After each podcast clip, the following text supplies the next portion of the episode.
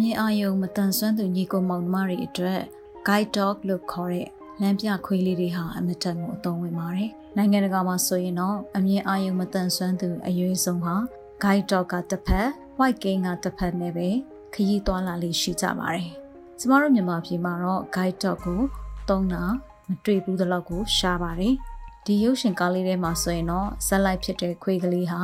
အိမ်မက်အကြီးကြီးမှတ်ထားတဲ့သူဖြစ်ပါတယ်။တနည်းအားဖြင့်တော့သူဟာ Canning University လို့ခေါ်တဲ့ guide dog တွေမွေးမြူထုတ်လုပ်ပေးတဲ့တက္ကသိုလ်ကိုသူကဝင်လာတာဖြစ်ပါတယ်။ကျောင်းရဲ့ခမ်းမအဝင်အဝမှာဆိုလို့ရှိရင်လေခေအဆက်ဆက်ကအောင်မြင်ကြကြားခဲ့တဲ့ guide dog တွေရဲ့ရာဇဝင်တွေစုလက်မှတ်တွေကိုမြင်ရတဲ့အတွက်သူကအမတန်ကိုစိတ်လှုပ်ရှားနေတာဖြစ်ပါတယ်။ဒါပေမဲ့သူ့ကိုရုတ်တရက်ရက်တန့်သွားစေတာကတော့လက်လေးတစ်ချောင်းဖြစ်ပါတယ်။ အဲ့ဒီအမျိုးသမီးကတော့ trainer တယောက်ဖြစ်ပါတယ်။ဒီ trainer ကသူ့ကိုအရက်တိုင်းတဲ့နေရာကိုလက်ညှိုးညွှန်ပြလိုက်တာပဲဖြစ်ပါတယ်။အဲ့ဒီချိန်မှာတော့သူဟာအရက်တိုင်းဖို့အတွက်ပေတံအောက်ကိုဝင်သွားပါတယ်။သူ့ရဲ့အရက်ကမမှီပါဘူး။ဒါကြောင့်မလို့သူဟာဒီအရက်ကိုမိနိုင်ဖို့အတွက်အမျိုးမျိုးခြေပြားထောက်ပြီးစူးစမ်းတယ်မရဘူး။နောက်ဆုံးတော့သူ့ရဲ့ကုတ်ကြနေတဲ့နေရွက်ကလေးကိုရုတ်တရက်ထောင်လိုက်တဲ့အခါမှာတော့ပေတံလေးကိုသွားထိတဲ့အတွက် သူဟာ guide dog ရွေးချယ်ခြင်းမှာအဆင့်မီပြီးတော့တနန်းတက်ခွင့်ရသွားပါတယ်။တကယ်တော့ဒီရုပ်ရှင်လေးက donation အတွက်ရည်ရွယ်ပြီးတော့မှ advocacy လုပ်ထားတဲ့ရုပ်ရှင်လေးဖြစ်ပါတယ်။တနည်းအားဖြင့်တော့ guide dog လေ့ကျင့်ရေးတနန်းကြောင်းအတွက်ဝင်ငွေရရှိဖို့လူဒန်းမှုကိုဖိတ်ခေါ်တဲ့အသိပညာပေးကာတွန်းရုပ်ရှင်လေးပဲဖြစ်ပါတယ်။ဒီရုပ်ရှင်လေးဟာလူပေါင်းမြောက်များစွာကြည့်ရှုခြင်းခံရသလိုမီလီယံနဲ့ချီပြီးတော့လေစိုက်နှစ်သက်အားပေးခြင်းကိုခံခဲ့ရပါတယ်။ ဒီကနေကျွန်မပြောပြချင်တာကတော့မတန်ဆွမ်းအသက်အရွယ်အတွက်ဖန်တီးမှုတွေလုပ်တဲ့နေရာမှာမှတ်တမ်းရုပ်ရှင်ဇလန်းရုပ်ရှင်တွေကအရေးကြီးသလိုကာတွန်းရုပ်ရှင်ဆိုတာဟာလည်းတစိမ့်တတိတာအရေးကြီးတဲ့အခန်းကဏ္ဍမှာရှိနေတယ်ဆိုတာမမေ့သင့်ပါဘူး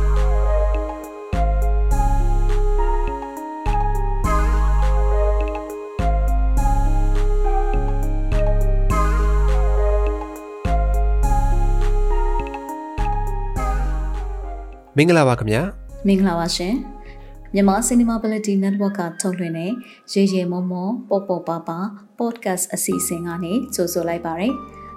ဒီအစီအစဉ်ကမြန်မာလူမှုနယ်ပယ်မှာမတန်ဆွမ်းမှုအသိပညာတွေမြင့်တင်ပေးနိုင်ဖို့မတန်ဆွမ်းအတိုင်းဝိုင်းကဖြစ်ရဆုံးကဏ္ဍဆောင်ကိုမတူညီတဲ့ရှုထောင့်ပေါင်းစုံကနေလွတ်လပ်ပွင့်လင်းတဲ့တွေးခေါ်ဆင်ခြင်နိုင်မှုတွေနဲ့မျှဝေလိုချသူတွေရဲ့အတန်တွေကိုပြုစုပြောင်းထောင်ဖော်ထုတ်ပေးနေခြင်းဖြစ်ပါတယ်။ ဒီအစီအစဉ်ကိုအပတ်စဉ်စနေနေ့ည9:00နာရီတိုင်းကျမတို့ရဲ့ Facebook စာမျက်နှာနဲ့ anchor.fm/mca network တို့ကနေစောင့်မျှော်နားဆင်နိုင်မှာဖြစ်ပြီး Anchor ကနေအခြားသော Apple Podcast, Google Podcast, Spotify, Breaker တို့အပြင် MCA Network ရဲ့ YouTube Channel မှာလည်းတွားရောက်နားထောင်နိုင်ပြီဖြစ်ကြောင်းဥစွာအသိပေးလိုပါတယ်။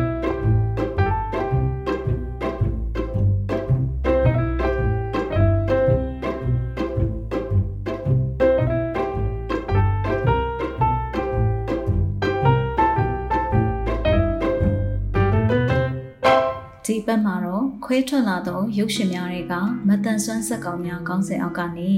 တင်ဆက်ပေးဖို့အတွက်ရွေးချယ်ထားတာကတော့2018ခုနှစ်မှာထွက်ရှိခဲ့တဲ့၄မိနစ်ပဲကြာတဲ့ PIP Pip ဆိုတဲ့ကာတွန်းရုပ်ရှင် animation ကားလေးပဲဖြစ်ပါတယ်။ဒီကာတွန်းရုပ်ရှင်လေးမှာအဓိကတင်ပြထားတဲ့အကြောင်းအရာကတော့ Pip ဆိုတဲ့ခွေးငယ်လေးတစ်ကောင်ဟာအမြင့်အာရုံမတန်ဆွမ်းသူတွေကိုကူညီဖို့လမ်းပြခွေးဖြစ်ခြင်းတဲ့အတွက်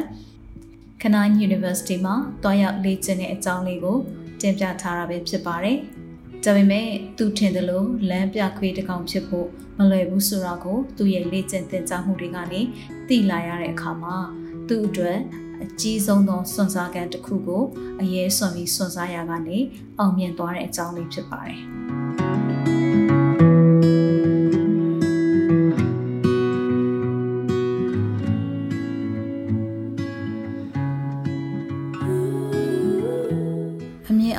တန်ဆွမ်းသူညီကိုမောင်နှမတွေအတွက် guide dog လို့ခေါ်တဲ့လမ်းပြခွေးလေးတွေဟာအမတန်ကိုအသုံးဝင်ပါတယ်။နိုင်ငံတကာမှာဆိုရင်တော့အမြင်အာရုံမတန်ဆွမ်းသူအရွယ်ဆုံးဟာ guide dog ကတစ်ဖက် white king ကတစ်ဖက်နဲ့ပဲခရီးသွားလာလေးရှိကြပါတယ်။ကျမတို့မြန်မာပြည်မှာတော့ guide dog ကိုသုံးတာမတွေ့ဘူးသလောက်ကိုရှားပါတယ်။ဒါကလည်းနိုင်ငံရဲ့အနေအထားနဲ့မူတည်မယ်ထင်ပါတယ်။ ကျမတို့နိုင်ငံမှာ guide dog တွေအလွယ်တကူသွားလာနိုင်ဖို့ဆိုလို့ရှိရင်နံပါတ်1ကကြတော့ register လုပ်ပြီးတော့မွေးမြူရတဲ့ guide dog တွေဖြစ်ရမယ်။နောက်ပြီးတော့ကျမတို့စီမှာကလမ်းမပေါ်မှာ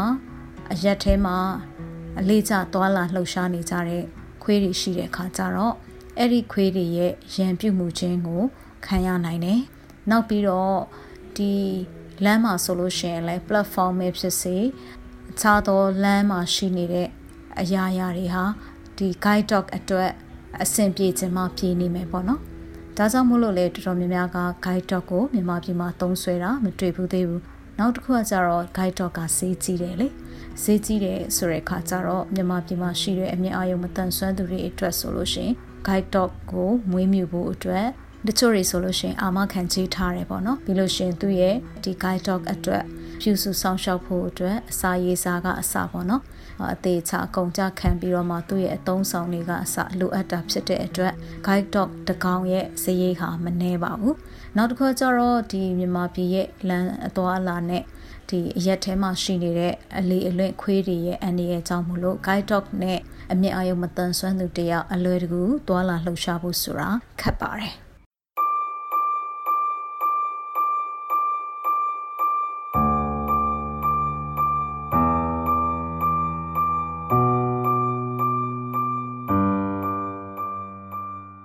ဒီရုပ်ရှင်လေးကို2018ခုနှစ်မှာထုတ်လုပ်ခဲ့ပြီးတော့ IMBD rating အရဆိုရင်7.0အထိရရှိထားတဲ့ကာတွန်းရုပ်ရှင်ကားလေးဖြစ်ပါတယ်။၄မိနစ်လောက်ပဲကြာတဲ့ဒီကာတွန်းရုပ်ရှင်လေးကိုကြည့်ရှုသူဟာ400နဲ့3သန်းကျော်ရှိပါတယ်။ကြိုက်နှစ်သက်သူကတော့1.8သန်းရှိပြီးတော့မှတ်ချက်အားဖြင့်ဆိုရင်4000ကျော်မှရှိပါတယ်။ကာတွန်းရုပ်ရှင်တွေရဲ့ထုံးစံအတိုင်းကတော့တက်နိုင်သလောက်အပြန်အလှန်စကားပြောတွေ နောက်ခံဖွင့်ဆိုရှင်းပြခြင်းတွေမပါဘဲနဲ့ကာတွန်းရုပ်ကလေးတွေရဲ့လှုပ်ရှားမှုနဲ့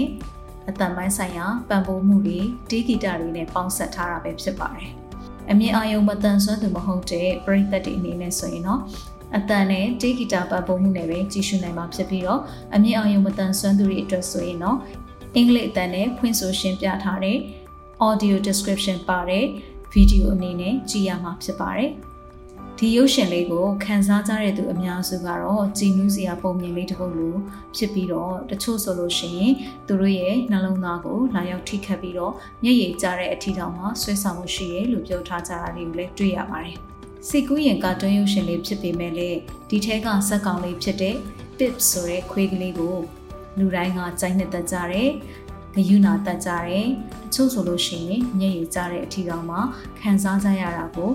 သူတို့ရဲ့ comments တွေမှာ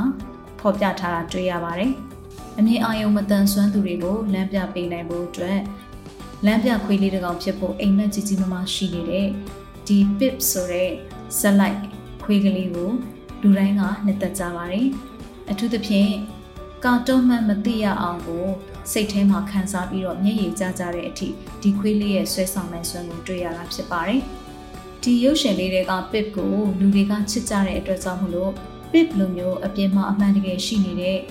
အမြင်အာရုံမတန်ဆွမ်းသူတွေအတွက် guide dog ဖြစ်ဖို့လေ့ကျင့်ပေးနေတဲ့ခွေးချော်ချော်လေးတွေသူတို့ကိုလေ့ကျင့်ပေးဖို့အတွက်လေ့ကျင့်ရေးကုန်ကြစည်တွေပြီးလို့ရှိရင်ပြုစုစောင့်ရှောက်ဖို့အတွက်စရိတ်တွေလိုအပ်တာမို့လို့လှူဒန်းဖို့အတွက်အဓိကလှုံ့ဆော်ပြီးတော့မှရိုက်ထားတဲ့ရုပ်ရှင်လေးဖြစ်ပါတယ်။ English ဘာသာစကားနဲ့ audio description မှာဆိုရင်လေအသေးစိတ် ပုံဖော်ပြီးတော့မှအမြင့်အာရုံမတန်ဆွမ်းသူတွေဒီခွေးလေးကိုစာနာနားလည်နိုင်အောင်လို့ဘလို့ပုံစံမျိုးပုံဖော်တင်ပြထားရဲဆိုတာကိုအတန်နဲ့ဖွင့်ဆိုရှင်းပြထားတာလည်းဖြစ်ပါတယ်။တကယ်တော့ဒီရုပ်ရှင်လေးကို South Eastern Guide Dog ဆိုတဲ့အဖွဲ့ကနေပြီးတော့မှတင်ပြထားတာဖြစ်ပါတယ်။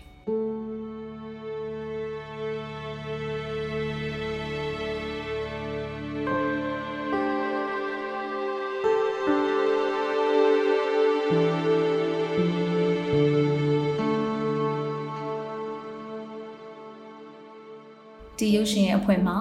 Southeastern Guide Dogs စိုင်းပုတ်ကြီးနဲ့ခြံစည်းရိုးအဝင်အဝါရဲ့အောက်ကနေပြီးတော့မှခွေးဖြူဖြူလေးတစ်ကောင်ဟာ Kenai University ဆိုတဲ့အဆောက်အဦစီကိုဥဥတီပြီးတော့မှလာနေတာကိုတွေ့ရပါတယ်။သူဟာဒီအစာအုပ်ကိုငေးမောပြီးတော့မှခြေတလှမ်းချင်းအေးအေးဆေးဆေးရှောက်လာတဲ့အချိန်မှာပဲရုတ်တရက်အခြားသောအယောင်အညိုအမဲရှိတဲ့ခွေးတွေကသူ့ကို ပုတ်တိုက်ပြီးတော့မှပြေးလွှားသွားတာကိုတွေ့လိုက်ရပါတယ်။ရုတ်တရက်မှုသူကလန့်သွားပေမဲ့လို့ဒီခွေးတွေလွန်သွားတဲ့အခါမှာသူဟာ Canine University စိုင်းပုတ်ကြီးရှိတဲ့နေရာကိုမော့ကြည့်ရင်းနဲ့စင်ဝင်အောက်ကိုရှောက်လာခဲ့ပါတယ်။ဒီလိုနဲ့တဖြည်းဖြည်းသူဟာအစာဦးရဲ့အောက်ထပ်ကိုရောက်ရှိလာတဲ့အချိန်မှာတော့ဘဲညာလှေကားနှစ်ခုရဲ့အလဲတဲ့တဲ့မှာဘောင်ခတ်ပြီးတော့မှချိတ်ဆွဲထားတဲ့ဓာတ်ပုံအသီးသီးသတင်းအသီးသီးကို ကြည့်ရှုပြီးတော့ငေးမောနေပါတယ်။ဓာတ်ပုံတန်းကြီးကိုဘဲကနေပြီးတော့မှညာကိုတဖြည်းဖြည်းကြည့်ရင်းနဲ့သူ့ရဲ့မျက်လုံးကမခွာနိုင်ဖြစ်နေတဲ့အချိန်မှာပဲရုတ်တရက်လက်ချောင်းလေးတွေနဲ့သူ့ရှေ့မှာပိတ်ကာလိုက်တာကိုလန့်သွားပါတယ်။မျက်လုံးလေးကိုပင့်ကြည့်လိုက်တဲ့အခါမှာတော့လေ့ကျင့်ရေးဝတ်စုံတဲ့အမျိုးသမီးတယောက်ကအရက်တိုင်းဖို့အတွက်ပေတံရှိရာစီကိုလက်ညွန်ပြနေတာကိုတွေ့ရပါတယ်။ဒါနဲ့ Pip ဆိုတဲ့ခွေးကလေးဟာ အဲ့ဒီပေတံအောက်ကိုဝင်သွားပါတယ်။ဒါပေမဲ့သူ့ခေါင်းနဲ့ပေတံဟာထိမနေသေးပါဘူး။ဒီတော့သူကစူးစမ်းပြီးတော့မှအရှိချေကိုအစွမ်းကုန်ထောက်ပြီးတော့မှခေါင်းကိုပေတံအဖျားနဲ့ထိအောင်လို့စူးစမ်းတယ်။ဒါပေမဲ့မအောင်မြင်ပါဘူး။သူ့ရဲ့ဖြစ်ညစ်စူးစမ်းမှုကိုလက်ပိုက်ပြီးအကဲခတ်နေတာကတော့ဘေးမှာရက်နေတဲ့နီးပြဆရာမဖြစ်ပါတယ်။နောက်ဆုံးတော့သူဟာအကြံရသွားပြီးတော့သူ့ရဲ့ကုတ်ကွေးနေတဲ့နှရွက်ကလေးကို ထောင်လိုက်တဲ့အခါမှာတော့ပေတံလေးနဲ့ထိသွားပါတော့တယ်။အဲ့ဒီတော့နီးပြဆရာမကလေ့ကျင့်ရေးခန်းမတကားဝကိုမျက်လုံးလေးနဲ့ဆွေပြရင်းနဲ့မင်းငေါ်လိုက်ပါတယ်။အဲ့ဒီမှာပဲပျော်ရွှင်ပြီးတော့တပတ်လဲသွားတဲ့ Newton နေတဲ့ခွေးကလေးရဲ့ပုံနဲ့ PIP PIP ဆိုတဲ့စလုံးလေးနဲ့အဖွင့်ပြထားတာဖြစ်ပါတယ်။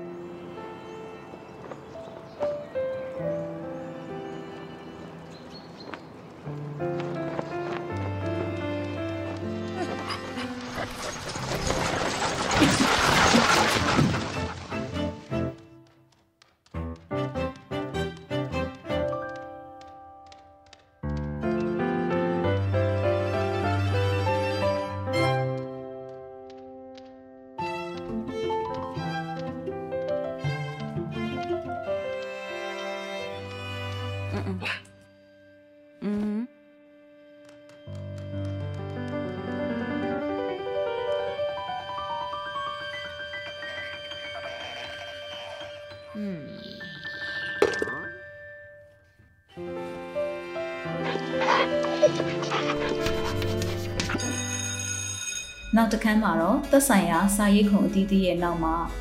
ရှိနေကြတဲ့တင်နန်းသားခွေးကလေးများကို တွေ့ရတာဖြစ်ပြီးတော့သူတို့ကိုအရှိကနီးပြဆရာမကနေကြောက်တယ်မုံအမဲပေါ်မှာမြေဖြူနဲ့ရေးထားတဲ့ guide dog ရဲ့လမ်းကြောင်းလေးတွေကိုပြပါတယ်အထူးသဖြင့်တော့လမ်းတွေကိုကာရန်ထားတဲ့တုံးလေးတွေကိုတွေ့ရင်ဘယ်လိုပုံစံမျိုး ကိုရှောင်ပြီးသွားရမယ်ဆိုတာကိုလမ်းကြောင်းဆွဲပြထားတာဖြစ်ပါတယ်အဲ့ဒီတော့တော်တော်များများသဘောပေါက်ကြတဲ့ခွေးကလေးတွေကသူတို့ရဲ့ဘယ်ဘက်လက်ချောင်းလေးတွေညာဘက်လက်ချောင်းလေးတွေကိုထောင်ပြီးတော့မှအမှတ်သားပြကြပါတယ်ပစ်လေးနဲ့အတူအခြားသောခွေး6ကောင်ကလည်းတင်နန်းကိုအတူတူကတက်ရောက်နေတာဖြစ်ပါတယ်နောက်တစ်ခန်းမှာတော့နီးပြဆရာမဟာမျက်မှန်ပုံတရံအဝင်မဲထူထူနဲ့သူမရဲ့မျက်လုံးကိုစီးပြီးတော့ pip ကို guide dog ရဲ့ တစားဖြစ်တဲ့ကြောနဲ့ရင်ဘတ်မှာခပတ်ပတ်ပြီးတော့ဂိုင်းနဲ့ဆွဲတဲ့လက်တံလေးကိုကင်ပြီးတော့မှ pip နဲ့အတူတားစီးတွေကိုကြော်ဖို့စပြီးလေ့ကျင့်ပါတော့တယ်။ကျန်တဲ့ခွေးလေး6ကောင်ကတော့မနှမ်းမကမ်းမှာထိုင်ပြီးတော့ကြည်နေကြပါတယ်။ pip ကကြော့ချွန်လေးတွေကိုလမ်းပြပြီးကိုရှောင်သွားနိုင်ပေမဲ့လို့လုံးရှည်ပုံတရံလမ်းပိတ်ထားတဲ့ဂျားတွေကိုသူ့ရဲ့ခန္ဓာကိုယ်ကဝင်သွားတဲ့အတွက်ကြောင့်မို့လို့ဆရာမဟာလုံးရှည်ပုံတရံ လမ်းပိတ်ထားတဲ့တိုင်ကိုဝင်တိုက်ပြီးတော့မှောင်ရလဲသွားပါတော့တယ်။နောက်တစ်ခန်းမှာတော့အစာစားခြင်းဖြစ်ပါတယ်။အစာစားတဲ့အခါမှာလည်းကိုစားခြင်းနဲ့အစာကိုလိမ်မော်ရောင်ခလုတ်ကလေးရဲ့အစိမ်းရောင်ခလုတ်ကလေးရဲ့နှစ်ခုမှာမိမိကြိုက်နှစ်သက်ရာကိုနှိပ်ပြီးတော့မှရယူရတာဖြစ်ပါတယ်။ခလုတ်နှိပ်လိုက်တဲ့အခါမှာအစာကွက်ထဲကိုခွေးစားလေးတွေကျလာပါတယ်။မိမိလိုအပ်တဲ့အရေးအတွက်ရသွားပြီဆိုရင်တော့ခလုတ်ဖိထားတာကိုရက်လိုက်ပြီးတော့မှနှုတ်သီးလေးနဲ့ အစာတွေပြည့်နေတဲ့ခွက်ကလေးကိုအရှိကိုတွန်းပြီးတော့မှထွက်သွားကြတာဖြစ်ပါတယ်။ဒီဒီလိုနဲ့အစာယူဖို့အတွက်ပစ်ပြက်အလှဲ့ကိုရောက်လာပါတယ်။ဒါပေမဲ့သူဟာခလုတ်ကိုဘလို့ပြန်ရရမှန်းမသိတဲ့အတွက်အစာရီဟာခွက်သေးကိုတရဇက်ကျလာတာတွေ့ရပါတယ်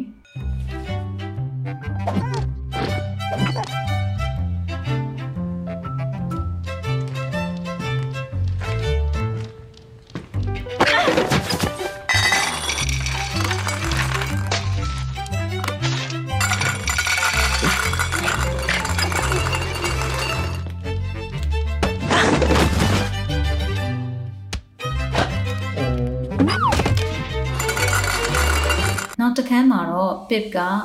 ဆီယာမကိုထပ်ပြီးတော့မှလမ်းပြပေးရတာဖြစ်ပါတယ်ဒီအချိန်မှာတော့ခြေတလန်းစာအမြင့်ရှိတဲ့ထစ်ကလေးကိုကြော်သွားရမှာဖြစ်ပါတယ်ဒီတစ်ခါလဲ Pip ကကြော်သွားပြီမဲ့ဆီယာမကတော့ဒီအထစ်နဲ့ခလုတ်တိုက်ပြီးတော့မှမောင်ရလဲသွားပါတယ်စာသင်ခန်းထဲမှာရှိနေတဲ့ Pip ကိုကြည့်ရတာအမတန်ကိုပင်ပန်းနေပါပြီစာသင်ခုံပေါ်ကိုလက်တင်ဖို့အတွက်ကိုလေးလေးလန်လန်နဲ့မုံမောပန်းပန်းပုံနဲ့ တက်လာတာကိုတွေ့ရပါတယ်။သူ့ရဲ့နောက်မှာရှိနေတဲ့ခွေးမင်းလေးတွေကတော့မျက်လုံးလေးတွေအယောင်တောက်ပြီးတော့တက်ကြွစွာနဲ့လက်ဖွားအမဲလေးတွေထောင်ပြီးတော့ဆီယာမကိုအချက်ပြနေပါတယ်။ Pip ကတော့ခုံပေါ်မှာမေးစီတင်ပြီးတော့မှလက်နှစ်ဖက်ကိုမနေကုတ်ယူထားရတဲ့အနေထားကိုတွေ့ရပါတယ်။သူကလက်ပြဖို့စူးစမ်းလိုက်တိုင်းသူ့အရက်နဲ့မမိဘဲနဲ့ခုံအောက်ကိုပြန်ပြန်ပြီးတော့ပြုတ်ကျသွားလိရှိပါတယ်။ဒီလိုနဲ့ပဲ pip ရဲ့အစာကွက်ဟာလည်းခါတိုင်းအတိုင်းပဲ အစာတွေတဖြည်းဖြည်းနဲ့မယမနာ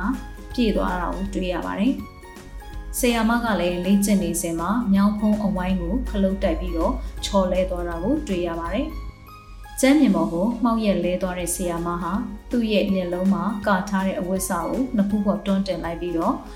pip ကိုမကျေနပ်တဲ့အကြည့်နဲ့ကြည်ပါတယ်။ပစ်ကလည်းဆီယာမရဲ့အကြည့်ကိုကြောက်ရွံ့စွာနဲ့မျက်လုံးလေးပြူးပြီးတော့ပါးစားဟောင်းသားဖြစ်နေပါတယ်။ ဒီလိုနဲ့ပစ်ဟာခမ်းမအဝင်ဝမှာရှိတဲ့ခေဆက်ဆက်ကအောင်မြင်ကြော်ကြားခဲ့တဲ့ကျောင်းရဲ့တမိုင်းကျောင်းနဲ့ထူးချွန်တဲ့ ACE Ace ဆိုတဲ့စုရခွေးလေးရဲ့ဓာတ်ပုံတွေကိုကြည့်ရှုနေပါတယ်။တကယ်တမ်းတော့သူလေးစားအားကျနေတဲ့ Ace ဆိုတဲ့ခွေးကလေးဟာ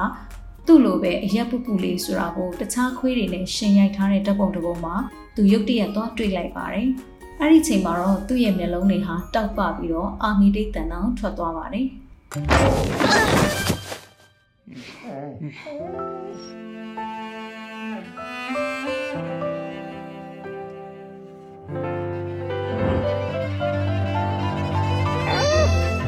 ဒီချိန်ကစပြီး Pip ဆိုတဲ့ဇက်လိုက်ကြော်ခွေးလေးဟာမော်ဆွမ်းအားတွေရလာသလိုလင်းမြန်တွက်လက်လာတာကိုတွေ့ရပါတယ်။ခါတိုင်းသူ့မမိတဲ့အစာခလုတ်ကိုခုံပြီးတော့မှနှုတ်သီးနဲ့ဖိတာမျိုး ရက်တာမျိုးတွေသူလုတ်တက်လာပါတယ်အရက်ပူးတဲ့သူဟာ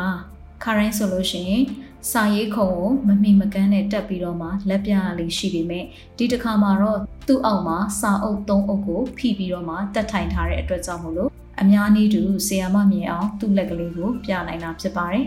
ခုဆိုရင် pip ဟာဘလောက်ထိကျွမ်းကျင်လိမ့်မာလာလဲဆိုရင်ညောင်ဖုံးတွေကိုတွေ့ရင်ကြွေပတ်ပြီးတော့ရှောင်သွားတယ်အထစ်ကလေးတွေကိုတွေ့ရင်ရုတ်တရက်ရက်တန့်ပြီးတော့မှ သူ့ရဲ့ဆီယာမထရိနာကိုအတိပေးတာမျိုးတွေလုပ်တက်လာပါတယ်ဒီခါမှာတော့ဆီယာမကသတိထားမိပြီးတော့ pip ကိုလေဆံမွေးလေးတွေဂုတ်ကလေးတွေကိုတက်ပေးပြီးတော့မှနှစ်သိမ့်အားပေးပါတယ်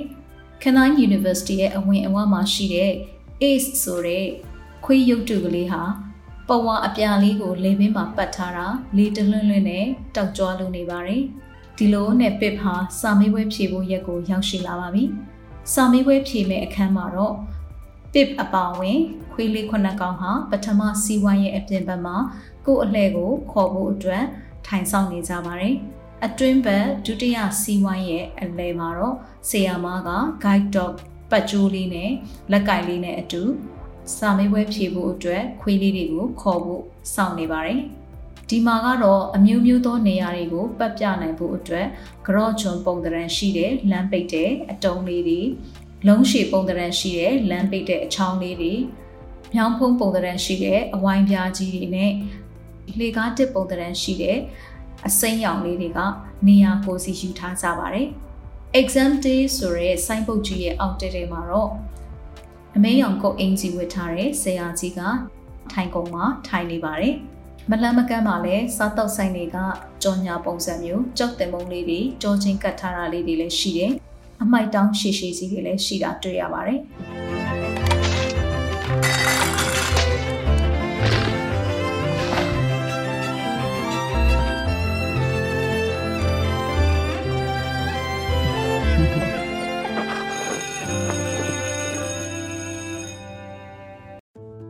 စပွဲမှာထိုင်နေတဲ့ဆရာကြီးဟာကော်ဖီတစ်ခွက်ကိုငုံလိုက်ပြီးတော့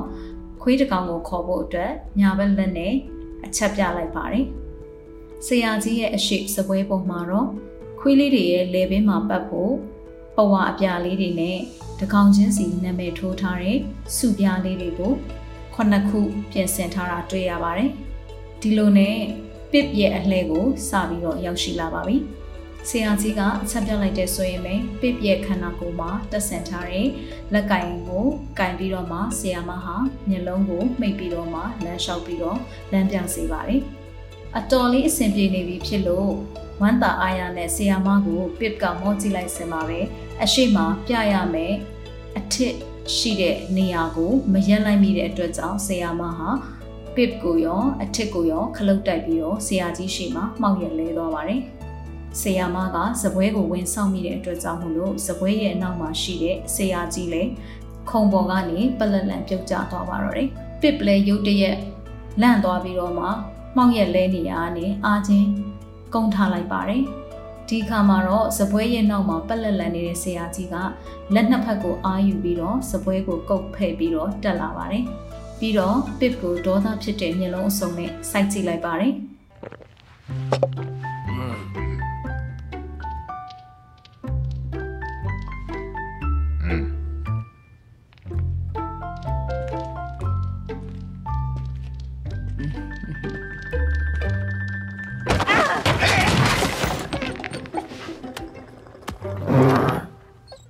နောက်တစ်ခန်းမှာတော့စီနေတဲ့တကားလေးပွင့်လာပြီးတော့ပစ်ကိုတွန်းထုတ်လိုက်တာတွေ့ရပါတယ်။ရုတ်တရက်တကားကိုစောင့်ပိတ်လိုက်ပါတယ်။စိတ်မကောင်းဖြစ်လာတဲ့ပစ်ဟာတကားဝါစီကနေကုတ်ကုတ်ကုတ်ကုတ်နဲ့ထွက်သွားပါတော့တယ်။တဖြည်းဖြည်းနဲ့အဆောက်အဦရဲ့အပြင်ဘက်ကိုရောက်လာတဲ့အခါမှာတော့တစ်ချိန်ကအောင်မြင်ကြော်ကြားခဲ့တဲ့ Ace ဆိုတဲ့ခွေးလေးရဲ့ရုပ်တုရှိကို ရောက်ရှိလာတဲ့အခါမော့ကြည့်ဖြစ်ပါတယ်။ Ace ရဲ့ရုပ်တုအောက်မှာတော့ His courage and service guides our paths and inspires our minds ဆိုပြီးတော့ရေးထားတာတွေ့ပါတယ်။ဆိုလိုချင်တာကတော့ Ace ဆိုတဲ့ခွေးကလေးရဲ့ရေးစွမ်းတတိနဲ့ဝန်ဆောင်မှုဟာ our လို့ကိုစားပြုထားတယ်။ကျွန်ုပ်တို့အထူးသဖြင့်အမြင်အာရုံမတန်ဆွမ်းသူတွေရဲ့လမ်းကြောင်းတွေကိုလမ်းညွှန်ပေးနိုင်တဲ့အပြင်သူတို့တွေရဲ့စိတ်နှလုံးကိုလည်းလှုံ့ဆော်ပေးတယ်လို့ဆိုလိုချင်တာဖြစ်ပါတယ်။ Ace ရဲ့ရုပ်ထုကိုကြည့်ပြီးစိတ်မကောင်းဖြစ်နေတဲ့ Pip ဟာရုတ်တရက်ကြောင်းရှိတကားဝနာကနေဖြတ်သွားတယ်။ White King အသုံးပြုတဲ့မျက်မှန်တက်ထားတဲ့အမျိုးသမီးတယောက်ကိုသတိထားမိလိုက်ပါတယ်။သူဟာဒီအမျိုးသမီးကိုမြင်ပေမဲ့လည်းရုတ်တရက်လှည့်ထွက်သွားပြီးတော့မှစာမေးပွဲဖြေတဲ့အခန်းဝစီကိုမှန်နေကနေလှမ်းပြီးတော့မှငေးကြည့်နေပါတယ်။မှန်ထဲမှာသူမြင်နေရတာကတော့ကျန်တဲ့ခွေးလေး6កောင်ဟာဆရာကြီးနဲ့နီးပြဆရာမရဲ့အရှိမ လေဘင်းမှာအပြဘက်ကလေးတွေနဲ့အားလုံးပုံစံထိုင်နေတာကိုတွေ့ရတာဖြစ်ပါတယ်။အဲ့ဒီအချိန်မှာပစ်ရဲ့အမြင်အာရုံဟာမှုံဝါးလာပြီးတော့မှညရည်ပေါက်ကြီးငယ်ကျလာတာကိုတွေ့ရပါတယ်။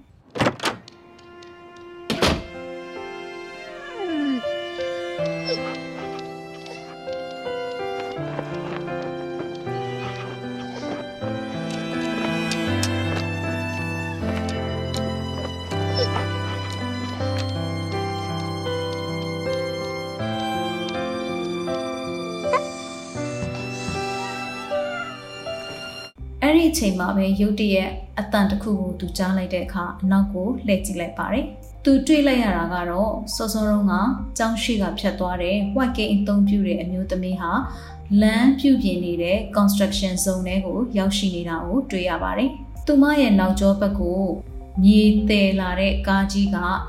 back gear ထိုးပြီးတော့မှတလိမ့်လိမ့်နဲ့လာတာကိုတွေ့ရပါတယ်။ပစ်ဟာရုတ်တရက်အဲ့ဒီအမျိုးသမီးရှိရာစီကိုအပြေးအလွှာထွက်သွားပါတယ်။ ပြီးတော့ခြံစည်းရိုးတကားဝါရဲ့ကြားကနေသူ့ကိုယ်လေးနဲ့မဆက်မပြဲအတင်းတိုးထွက်ပါတယ်အဲ့ဒီအချိန်မှာကြောင်းတကားဝါမှာတော့တိုးထွက်ဖို့အဆင်မပြေတဲ့ခွေးတကောင်ကသူ့ကိုငေးကြည့်ရင်းနဲ့ကြံခဲ့ပါတယ်ဒီအမြင့်အာယုံမတန်ဆွမ်းအမျိုးသမီးဟာညာဘက်လက်မှာ white cane ကိုကင်ထားပြီးတော့ဘေးဘက်လက်က slim bag လေးကိုအစကလွယ်ထားတာဖြစ်တယ်အခုလိုမျိုးလမ်းပြုတ်ပြင်နေတဲ့ဇုံတွေကိုရောက်တဲ့အခါမှာတော့ မြို့သမီးရဲ့ဘယ်ဘက်လက်မှာတော့ slim bag ကြိုးကိုလက်မှာကင်ထားပြီးတော့မှကိုယ့်ရုပ်ကရအနေထားတစ်ခုရှိနေတဲ့အချိန်မှာ pip ကရုတ်တရက်ဝင်သွားပြီးတော့အဲ့ဒီ slim bag လေးကိုသူ့ရဲ့မေးစီးနဲ့ထောက်လိုက်ပြီးတော့မှ slim bag ကြိုးလေးကိုကင်စေပြီးတော့အမျိုးသမီးကိုလမ်းပြဖို့အတွက်တူးထားတဲ့မြေကြီးတွင်းမှာခင်းထားတဲ့ပြင်များတွေပေါ်ကနေလမ်းလျှောက်ပြီးတော့မှခေါ်သွားတာကိုတွေ့ရပါတယ်။ နောက်ထပ်ရှုထောင့်တစ်ခုအနေနဲ့မြေကြီးတွင်းကြီးရဲ့အောက်ကနေကြည့်မယ်ဆိုလို့ရှိရင်ခင်းထားတဲ့တသားပြားလေး၃ချောင်းပေါ်ကနေ pip ဟာအမြင်အာယုံမတန်ဆွမ်းသူ white cane ကင်ထားတဲ့အမျိုးသမီးကိုဥဆောင်ပြီးခေါ်သွားတာကိုမိုးရွာတော့မလို့မဲမှောင်နေတဲ့ကောင်းကင်ကြီးရဲ့အောက်မှာတွေ့နေရပါတယ်။ဒီလိုနဲ့ တွင်းကြီးရဲ့တစ်ဖက်ကို pip ကအမြင်အာယုံမတန်ဆွမ်းသူအမျိုးသမီးကိုဥဆောင်ပြီးခေါ်သွားတဲ့အချိန်မှာတော့စောစောတော့ကမြေသေးကားကြီးရဲ့ back ဆုပ်လာတာဟာလေတွင်းရဲ့အဝါမှာရက်သွားတာကိုတွေ့ရပါတယ်။ဒီလိုနဲ့ pip ဟာတစ်ဖက်မှာရှိတဲ့ platform ပေါ်ကိုရောက်ဖို့အတွက်အမြင်အာရုံမတန်ဆွမ်းသူအမျိုးသမီးကိုဥဆောင်ပြီးတော့အထစ်လေးရှိကြောင်းကိုသတိပေးတဲ့အနေနဲ့ရက်ပြီးတော့စောင့်ခေါ်ပါတယ်။ platform ပေါ်ကိုရောက်တယ်ဆိုရင်ပဲအမြင်အာရုံမတန်ဆွမ်းသူအမျိုးသမီးဟာ ဒူးတစ်ချောင်းထောက်ပြီးတော့တစ်ချောင်းလှဲအနေထားနဲ့ white cane လေးကိုချပြီးတော့ pip ကိုခေါင်းလေးကိုစမ်းကြည့်ပါတယ်။အဲ့ဒီအချိန်မှာလမ်းတစ်ဖက်ချမ်းမှာရှိနေတဲ့ဒီဖြစ်ပျက်ကိုမြင်လိုက်တဲ့တင်နန်းနီးပြနဲ့အခြားသောတငယ်ချင်း6ကောင်ကရက်ပြီးတော့ကြည်နေရင်းနဲ့ဆီယာမကလက်ခုပ်တီးပြီးတော့ခုံပြူလိုက်ပါတယ်။အဲ့ဒီအချိန်မှာ pip ကလည်းအမြင့်အာရုံမတန်ဆွမ်းသူအမျိုးသမီးကိုမော့ကြည့်လိုက်ပါတယ်။အမြင့်အာရုံမတန်ဆွမ်းသူအမျိုးသမီးဟာ တစ်ဖက်ကန်းကခေါ်နေမှန်းသိတဲ့အတွက် pip ကိုတွားဖို့လက်ပြရင်းနဲ့လွတ်ပေးလိုက်ပါတယ်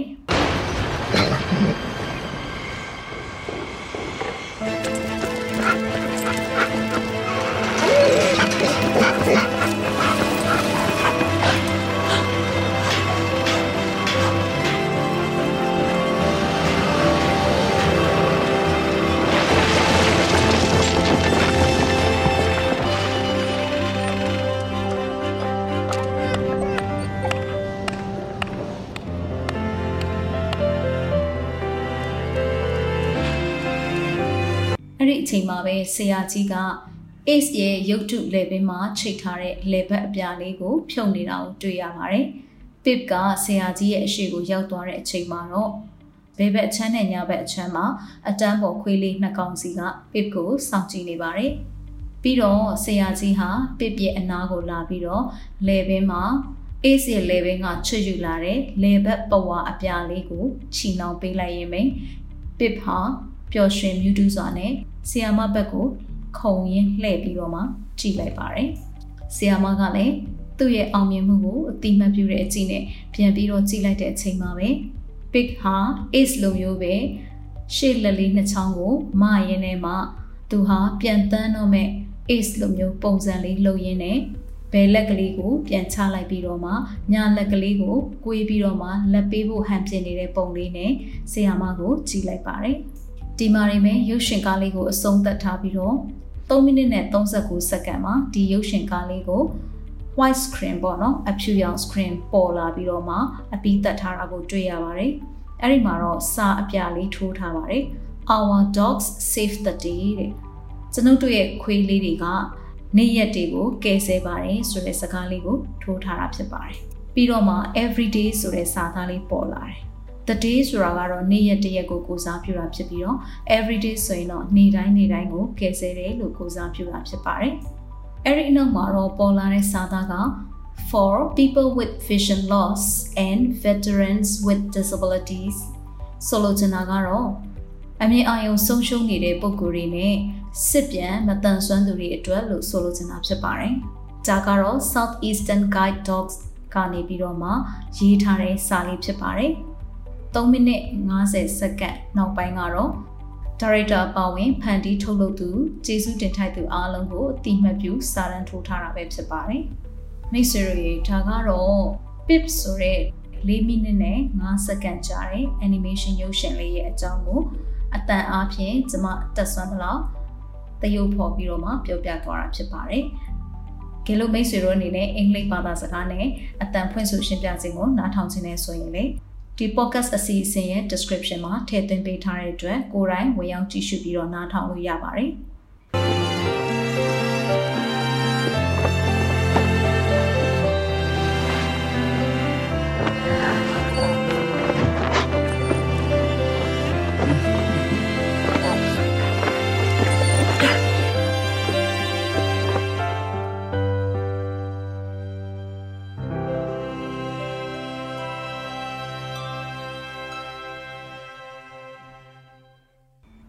animation အကြောင်းပြောမယ်ဆိုလို့ရှိရင်တော့ animation ဆိုတာက cartoon ရုပ်ရှင်ဖြစ်တယ်။ဒါမဲ့အခုခေတ်မှာဆိုလို့ရှိရင်တော့ animation ကိုကျမတို့ငကိုယ်တော့ကလိုမျိုးလက်နဲ့ရေးဆွဲပြီးတော့မှတရုပ်ဖော်တာမျိုးမဟုတ်တော့ဘဲနဲ့ software တွေနဲ့အသုံးပြုပြီးတော့မှဖန်တီးရေးဆွဲလို့ရတယ်လို့ကျမတို့လက်တကမ်းမှာရှိနေတဲ့ပစ္စည်းလေးတွေဖြစ်တဲ့အစားအသောက်တွေပဲဖြစ်စေအသီးအနှံတွေပဲဖြစ်စေဒါမှမဟုတ်ချုပ်လုပ်တဲ့စီကနေထွက်လာတဲ့ဖြတ်စာညှက်စာလေးတွေပဲဖြစ်စေ ဆေးရောင်လေးတွေချဲပြီးတော့မှအသုံးပြုတဲ့အရာပဲဖြစ်စေစာရွက်ကလေးတွေကိုပိတ်စာလေးတွေကိုညှက်ပြီးတော့မှအသုံးပြုတဲ့အရာပဲဖြစ်စေနောက်ဆုံးကျမတို့တွေကဂျုံလေးတွေအသုံးပြုပြီးအယုတ်ကလေးတွေဖန်တီးလို့ရတယ်ရှွန့်လေးတွေအသုံးပြုပြီးဖန်တီးလို့ရတယ်နောက်သဲကိုလည်းအသုံးပြုပြီးတော့မှ animation တွေကိုဖန်တီးလို့ရပါတယ်နောက်တစ်မျိုးကကြတော့ကလေးတွေစော်တဲ့အယုတ်သေးသေးလေးတွေရှိတယ်အဲ့ဒီအယုတ်ကလေးတွေကိုလည်းကျမတို့ကထည့်သွင်းပုံဖော်ပြီးတော့လှုပ်ရှားမှုလေးတွေလုပ်နိုင်နေဆိုရင် ဒါဒီခေတ်မှာကာတွန်းရုပ်ရှင်ဆိုတာကနီးမျိုးစုံနဲ့ဖန်တီးလို့ရတာဖြစ်ပါတယ် animation မှာမှာ 2D 3D လိုမျိုးကာတွန်းရုပ်ရှင်တွေရှိသလိုအစမတို့ stop motion လိုမျိုးရက်လိုက်ရွေးလိုက်သွားတဲ့ဖန်တီးလို့ရတဲ့ကာတွန်းရုပ်ရှင်တွေလည်းရှိနေပြီဖြစ်ပါတယ်ကျမတို့ငငယ်တုန်းကကြည့်တဲ့ 2D ရုပ်ရှင်တွေထက်အများကြီးကိုဖွံ့ဖြိုးတိုးတက်လာပြီဖြစ်ပြီးတော့ပို့ပြီးတော့လည်း ဖန်တီးမှုပညာဟာကျမတို့အရက်သူအရက်သားတွေလူငယ်တွေနဲ့ပို့ပြီးတော့မှနှီးစပ်လာတာကိုတွေ့ရတယ်။အဲ့တော့ငွေကုန်ကြေးကျသက်သာစွာနဲ့ဖန်တီးနိုင်တဲ့နီလန်းတွေငွေကုန်ကြေးကျသက်သာစွာနဲ့အသုံးပြုနိုင်တဲ့ကိုယ့်လက်တကန်းကအတုံးဆောင်နေစားစရာတွေစသဖြင့်ဒါမျိုးတွေနဲ့လည်းကျမတို့ဒီနေ့ဒီခေတ်မှာကာတွန်းရုပ်ရှင်ကိုဖန်တီးလို့ရပါတယ်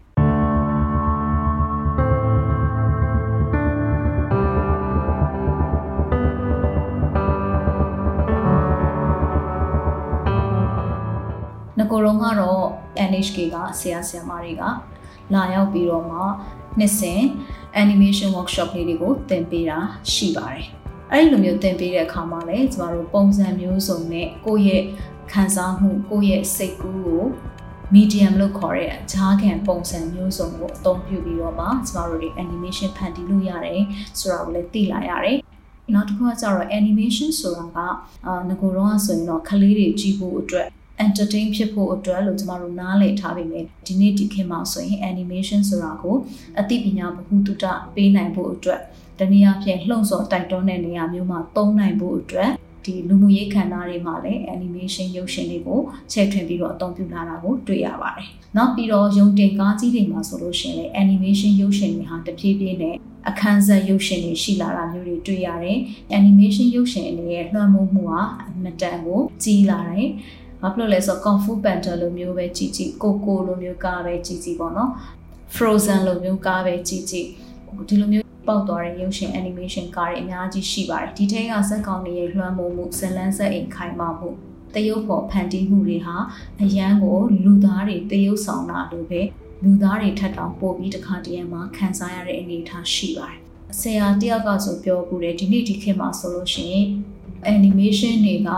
လူသားဆန်လာပြီးတော့ လူသားတွေရိုက်ကူးထုတ်လုပ်တဲ့ရုပ်ရှင်တွေက animation ဆန်လာတယ်လို့ပြောခုတာလည်းကြားဘူးတယ်ပေါ့နော်။ဒါကြောင့်မလို့ကာတွန်းရုပ်ရှင်လေးဆိုပေမဲ့လည်းကျမတို့ရဲ့နှလုံးသားကိုထိခိုက်ပြီးတော့လှုပ်ရှားစေတဲ့ယတတွေကိုပေးစွမ်းနိုင်တယ်ဆိုတာကိုမေ့လို့မရပါဘူး။နောက်တစ်ခုကကျတော့ဒီ animation ရုပ်ရှင်လေးတွေကိုအသုံးပြုပြီးတော့မှလူမှုအကျိုးပြုခံတာတွေမှာပြန်လည်ပြီးတော့မှအသုံးချနိုင်မယ်ဆိုလို့ရှိရင်ပို့ပြီးတော့မှထိရောက်တဲ့လက်နက်တစ်ခုဖြစ်တဲ့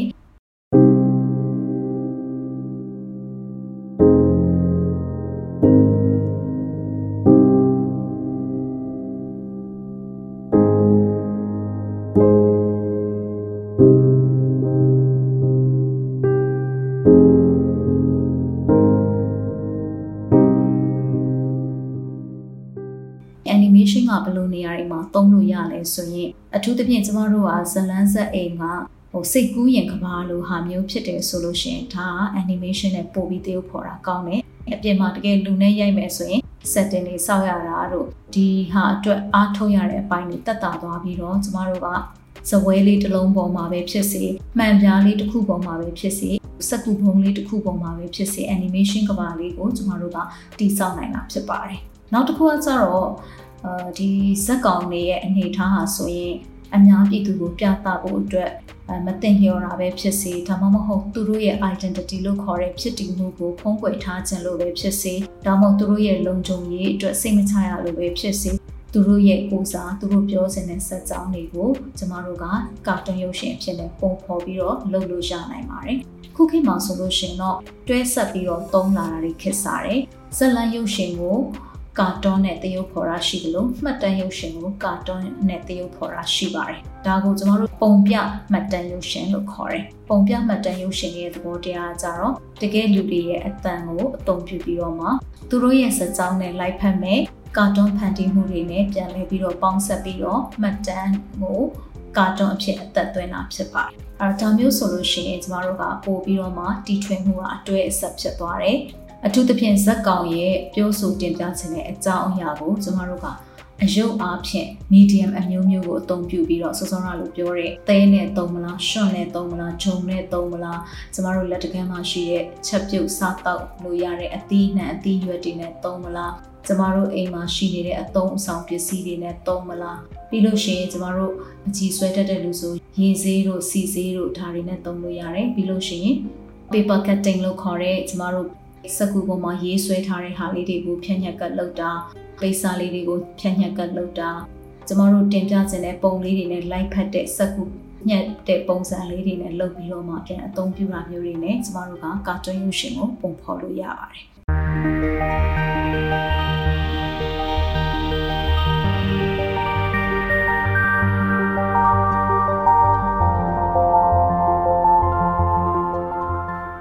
တချို့နိုင်ငံတွေမှာဆိုလို့ရှိရင်ညီမတန်ဆွမ်းလူငယ်လေးတွေကိုသူတို့ရဲ့ inspiration idea တွေကိုမေးတယ်ပေါ့သူတို့ကဘာဖြစ်ချင်တယ်လဲသူတို့ရဲ့စိတ်ကူးထဲမှာဘယ်လိုအနေအထားရှိတယ်လဲသူတို့ရဲ့အာယုံကဘာကိုတင်ပြချင်နေလဲခံစားမိတယ်လဲဒါတွေကို animator တွေကနေပြီးတော့မှဒီကာတွန်းရုပ်ရှင်ဖန်တီးသူတွေကနေပြီးတော့မှသူတို့နဲ့စကားပြောကြည့်ပြီးတော့မှသူတို့ရဲ့ idea တွေအတိုင်း stop motion လို့ခေါ်တဲ့ကာတွန်းရုပ်ရှင်လေးတွေကိုအတူတကွသူတို့ရဲ့ပူပေါင်းပါဝင်မှုနဲ့ဖန်တီးတာမျိုးပေါ့ဥပမာသူတို့တွေရဲ့လှုပ်ရှားမှုဓာတ်ပုံလေးတွေကိုသုံးပြီးတော့မှ animation ဖန်တီးတာမျိုးပေါ့ဆိုပါစို့အာသူဟာဖနက်ကြိုးလေးခြိထက်သွားတယ်ဆိုလို့ရှိရင်အဲ့ဖနက်ကြိုးလေးခြိပြီးတာလည်းသူဟာကောင်းကင်ဘုံမှာပြန်တက်သွားတဲ့ angel လေးတစ်ပါးလို့ခံစားရတယ်ဆိုတာမျိုးစသဖြင့်ပေါ့နော်အာသူတို့ရဲ့စိတ်ခံစားမှုနဲ့ live ဖတ်တဲ့ animation လေးတွေကိုအတူတကွပူးပေါင်းပြီးတော့မှပုံဖော်ပေးတာမျိုးတွေလည်းကျွန်မမြင်ပူးပါတယ်။နောက်ပြီးတော့မတန်ဆွမ်းသူတွေကိုယ်တိုင်လည်းလက်နဲ့မျက်လုံးပေါ့နော်အထူးသဖြင့်ကိုယ်အင်ကအောက်ပိုင်းမတန်ဆွမ်းသူတွေအနေနဲ့လည်းထိုင်ပြီးလုပ်လို့ရတဲ့အခန်းကဏ္ဍဖြစ်ပါတယ်။ဘာလို့လဲဆိုတော့ animation ဆိုတာက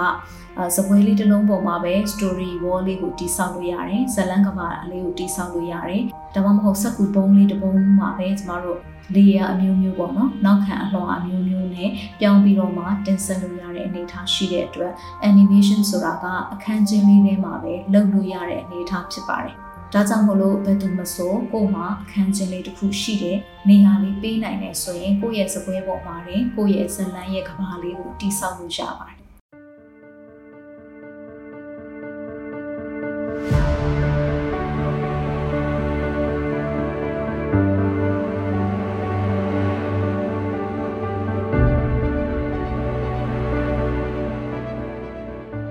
animation ဟာဒီနေ့ဒီခေတ်မှာဆိုရင်ဖုန်းနဲ့လည်းလုပ်လို့ရတယ်ဖုန်းထဲမှာဆိုရင် stop motion နဲ့ပတ်သက်တဲ့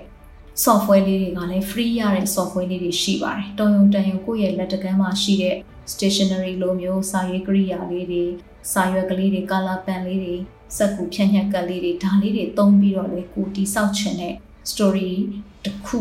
ကိုကိုကဖန်တီးလို့ရပါတယ်အဲဒီတော့ software တွေအပြင်ဆိုရင်လည်း free သုံးလို့ရတဲ့ software တွေရှိနေပြီ space အပြင်ဆိုရင်လည်းတိတ်ပြီးတော့မှနေရအကျယ်ကြီးမလို့စပွဲတစ်လုံးစာလောက်ရှိရင်အဆင်ပြေတယ်နောက်တစ်ခုကကြတော့နီးပညာအပြင်ဆိုရင်လည်းကျမတို့ YouTube မှာတွားကြည့်မယ်ဆိုလို့ရှိရင်ဒီလိုမျိုးကာတွန်းရုပ်ရှင်ဘလို့ဖန်တီးလို့ရလဲဆိုတာမျိုးတွေကိုလေ့ကျင့်သင်ကြားပေးတဲ့ဗီဒီယိုဖိုင်တွေလည်းအများကြီးရှိပါတယ်ပြီးလို့ရှိရင်ကိုရဲ့စက်ကြောင်းပြောခြင်းပညာကိုသင်ကြားပေးတဲ့လေ့လာလို့ရတဲ့နေရာတွေလည်းအများကြီးရှိပါတယ်။ ဒါဆိုလို့ရှိရင်ကာတွန်းရုပ်ရှင်ထုတ်လုပ်ဖို့အတွက်ကကိုယ့်ရဲ့တာဝန်ပဲရှိပါတော့တယ်။ကိုယ့်ရဲ့လေ့လာအားထုတ်မှုပေါ်မှာပဲမူတည်ပါတယ်။အဲ့တော့ animation ကာတွန်းရုပ်ရှင်ကိုလုပ်တယ်ဆိုတာကတော့လွယ်လားဆိုတော့လည်းမလွယ်လှပါဘူး။အချိန်ပေးပြီးတော့စိတ်ရှည်သီးခံစွာနဲ့လုပ်ရတာဖြစ်ပါတယ်။အထူးသဖြင့်တယောက်တည်းမဟုတ်ပဲအနည်းဆုံး2ယောက်လောက်ပူးတွဲပြီးလုပ်နိုင်မယ်ဆိုရင်ပိုပြီးကောင်းပါတယ်ဒါပေမဲ့တယောက်တည်းလေး animation လုပ်လို့ရပါတယ်နည်းနည်းတော့ပိုကြမယ်ပေါ့နော် ဘာလို့လဲဆိုတော့တယောက်အားနဲ့နှစ်ယောက်အားတော့မတူဘူးဒါပေမဲ့လို့ကာတွန်းရုပ်ရှင်ဆိုတာကခုခေတ်မှာအပြင်မှာကျမတို့လူတွေတယောက်နဲ့တယောက်ထိတွေ့ဆက်ဆံပြီးရိုက်ကူးမှရတဲ့မှတ်တမ်းရုပ်ရှင်ဇလန်းရုပ်ရှင်တွေထက်စာရင်အခုချိန်မှာကိုယ်အိမ်နဲ့ကိုယ်အခန်းထဲကနေပြီးတော့မှကဘာကြီးကိုကိုတင်ပြခြင်းနဲ့ဇလန်းအကြောင်းအရာတွေဖော်ထုတ်ပြောဆိုဖို့အတွက်ဆိုရင်ကာတွန်းရုပ်ရှင်ဆိုတာဟာအရန်ကိုလိုက်ဖက်တဲ့ပညာရပ်တစ်ခုဖြစ်ပါတယ်။ အရန်ကိုလည်းလက်လှမ်းမိနိုင်တဲ့အနေအထားတွေအများကြီးရှိတာကိုလည်းပြောပြခဲ့ပြီးပါပြီ။ဒါကြောင့်မလို့မိတ်ဆွေတို့အနေနဲ့စိတ်ဝင်စားရဲဆိုရင်ကာတွန်းရုပ်ရှင်ဖန်တီးမှုတွေကို YouTube မှာတွားရောက်လေ့လာပြီးတော့ကိုယ်တိုင်လည်းစူးစမ်းဖန်တီးကြည့်စေချင်ပါတယ်။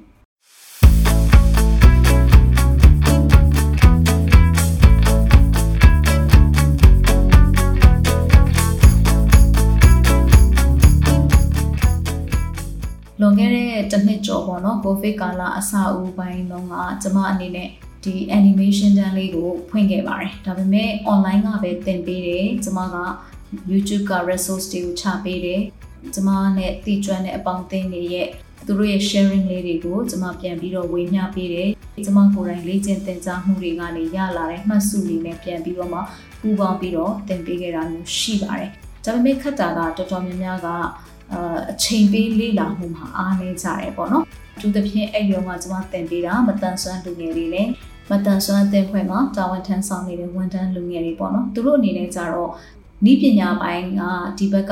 ပံ့ပိုးပေးမှုအားတာပေမဲ့လို့သူတို့ရဲ့လေ့လာအားထုတ်နိုင်မှုအချိန်ခက်ခဲမှုပြီးလို့ရှိရင်နောက်ခံအတွေ့အကြုံအားနည်းမှုတွေကြောင့်မလို့ဒီဟာကိုသူတို့ဆုံးငန်းတိုင်အောင်မလုပ်နိုင်ကြတာကိုတွေ့ရတယ် ကျမအနေနဲ့တော့လာပိုင်းအတွင်းမှာပဲဒီသင်တန်းကိုရှင်းလိုက်ရတယ်ပေါ့နော်ဆိုလိုချင်တာကတော့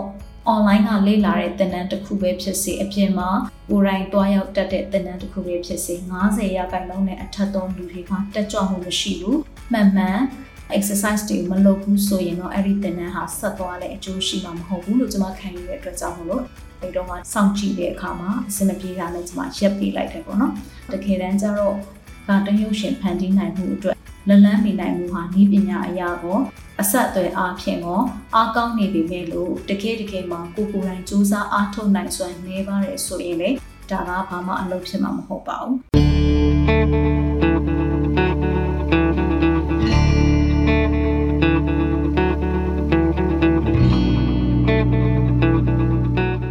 ဒါကြောင့်မလို့တကယ်လေးလာအားထုတ်ခြင်းတဲ့သူတွေ တကယ်ကာတွန်းရုပ်ရှင်ကိုချစ်ခင်နှစ်သက်တဲ့သူတွေတကယ်ပဲဒီဖန်တီးမှုပညာရပ်ကိုစောင့်ချလေ့လာခြင်းတဲ့သူတွေဆိုရင်တော့ဒီ animation နဲ့ပတ်သက်တဲ့အခမ်းအနားတွေကို online ကနေစာရီလက်တွေ့ line လေးကျင့်ရင်းနဲ့ကိုယ့်ရဲ့တမိနစ်ကလေးကစပြီးတော့မှဖန်တီးတဲ့ဖန်တီးမှုတွေကိုစမ်းသပ်လှုပ်ဆောင်ကြည့်ဖို့အတွက်ကျွန်မအနေနဲ့တိုက်တွန်းချင်ပါတယ်လို့ဒီနေ့ဖန်တီးတင်ဆက်မှုနဲ့ပတ်သက်ပြီးတော့ရောရုပ်ရှင်တင်ပြမှုနဲ့ပတ်သက်ပြီးတော့ရောကျွန်မအနေနဲ့ဆိုရင်တော့ဒီ အမြင်အာရုံမတန်ဆွမ်းသူတွေအတွက်တောင်မှဒီလိုမျိုး animation လေးတွေကိုသုံးပြီးတော့မှအသိပညာပေးပြီးလှုံ့ဆော်တဲ့ကဏ္ဍတွေမှာအသုံးပြုရဲဆိုလို့ရှိရင်အခြားသောကဏ္ဍတွေအတွက်လည်းအကောင်းဆုံးအသုံးပြုနိုင်မှာဖြစ်တဲ့ဆိုတာကိုမိမောင်းထုတ်ပြောပြခြင်းဖြစ်ပါတယ်။ကျမတို့မတန်ဆွမ်းလူမှုအတိုင်းအဝန်းမှာလည်းကာတွန်းရုပ်ရှင်တွေရဲ့စွမ်းဆောင်နိုင်စွမ်းတွေနဲ့နောက်ထပ်အသိပညာပေးတဲ့ခန္ဓာတွေအများကြီးဖွံ့ဖြိုးတိုးတက်လာအောင်မယ်လို့ယုံကြည်မျှော်လင့်ပါတယ်ရှင်။ ဒီနေ့အစီအစဉ်ကတော့ဒီလောက်ပါပဲရှင်အားလုံးကိုကျေးဇူးတင်ပါတယ်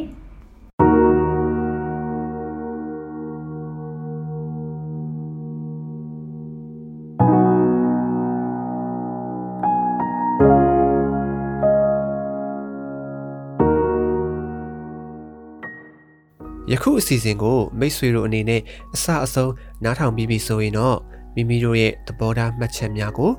Anchor မှာအတန်နဲ့စာ နှစ်မျိုးလုံးနဲ့ဖြစ်စေ Facebook မှာစာနဲ့ဓာတ်ပုံနှစ်မျိုးလုံးနဲ့ဖြစ်စေပေးနိုင်ပါပြီနော်